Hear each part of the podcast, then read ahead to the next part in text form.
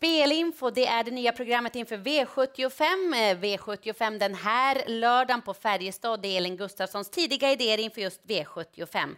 Färjestad, många norska hästar som är på besök på lördag. Eh, vad ska vi känna till om banan, Elin? Ja, men den är ju väldigt snabb, Färjestadbanan, och eh, det är ju en stor fördel att sitta i den främre träffen kan man väl säga in mot upploppet. Eh, ett relativt kort upplopp är det också.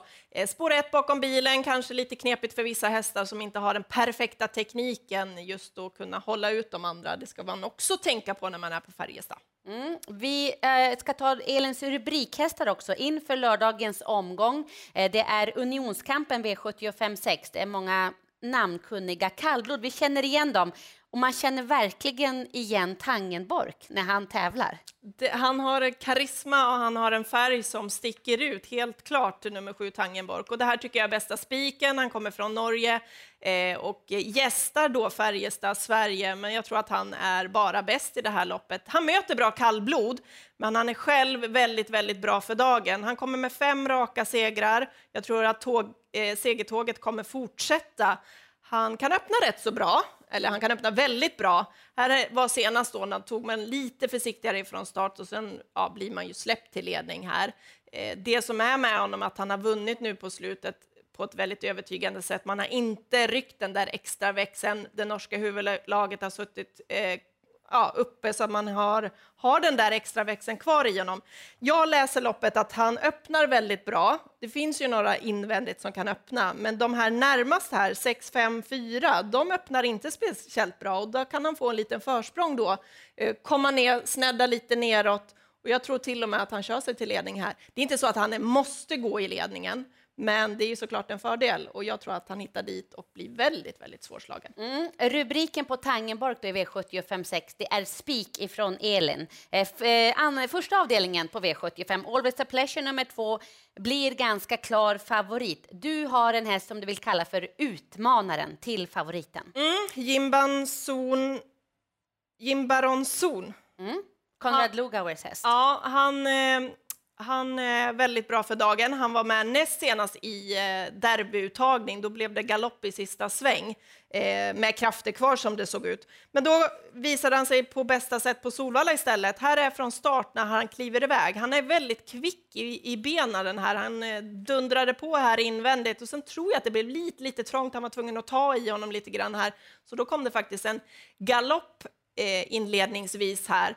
Sen ställer han ju sig och är med i loppet och så gör han en grymt häftig prestation, för han styr på här på bortre långsidan i tredje spår och sveper fältet. Mm.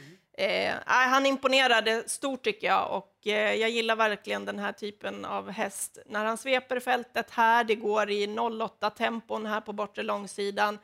Eh, passerar samtliga och sen vinner han faktiskt helt överlägset. Han har visat att han är startsnabb. Det är ju ett voltlopp det här och jag tror att han är snabbast ifrån start och kan köra sig till ledningen. En position han trivs i. Så jag tycker absolut att det är en utmanare till den stora favoriten Always a Pleasure som säkert kan kliva iväg, men inte någon raket ifrån start från spår 2.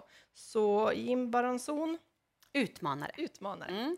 Sista avdelningen då på V75 på lördag. Där har du en häst som du har följt nu, som du kallar för nästa gångare, Excuse moi, nummer 10. Ja, men han startade ju förra veckan på Eskilstuna, så det är täta starter, men just intrycket på honom då, då var han ju stor favorit.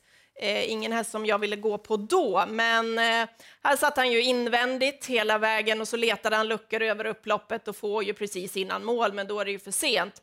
Men just det här intrycket, det kraftfulla över mål, det tar jag med mig till den här gången och han är inte favorit den här gången, utan han får slå lite i underläge och eh, jag tror jättemycket på honom. Man trodde ju på honom mycket inför det loppet och eh, startar vecka, vecka nu med det där intrycket. Det är spännande. Han går ju väldigt bra bakifrån också, den här hästen. Mm. Det är nästa gångaren att hålla koll på. Eh, Elins bästa skräll här i eh, spelinfo, det är i V75 4. Hästen kommer inte bli mycket betrodd, Tio Dior Lilly.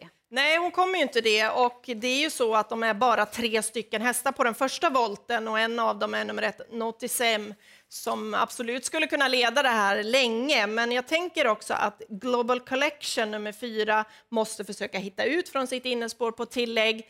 En som är kvick i, i från volt, det är ju Carl-Johan Jeppsson och även hästen han har, nummer 10, Dior Lilja, är snabb i benen. Så att jag tror att de kommer få en väldigt bra start där från springspår.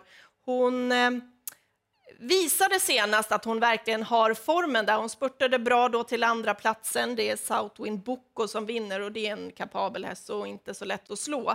Men det som är med Dior Lilly är att man har ändrat lite träningsupplägg och hon har det känns som att hon har tänt till på det. Vi kollar på gamla bilder när hon har just ett springspår och eh, hon har visat att hon är kvick i benen. Här är det inget snack om saken. Här spetsar hon väldigt, väldigt enkelt. Och eh, ja, jag skulle kunna se Carl-Johan Jeppsson och Dior Lilly få en väldigt fin start här och då tycker jag att de kan skrälla ett sånt här lopp med tanke på den här förändringen i träning och att hon är i fin form och författning, så glöm inte henne. Nej, det var de fyra rubrikhästarna från Elin inför V75, alltså på Färjestad.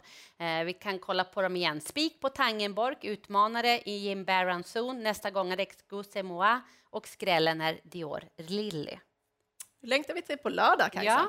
Ja, eh, fyra rubrikhästar alltså ifrån Elin här i Spelinfo. Varje eh, vecka kommer ni få det här programmet nu inför V75 på lördag. Den här lördagen är unionskampen med unionstravet ifrån Färjestad. Tävlingarna startar precis som vanligt 16.20.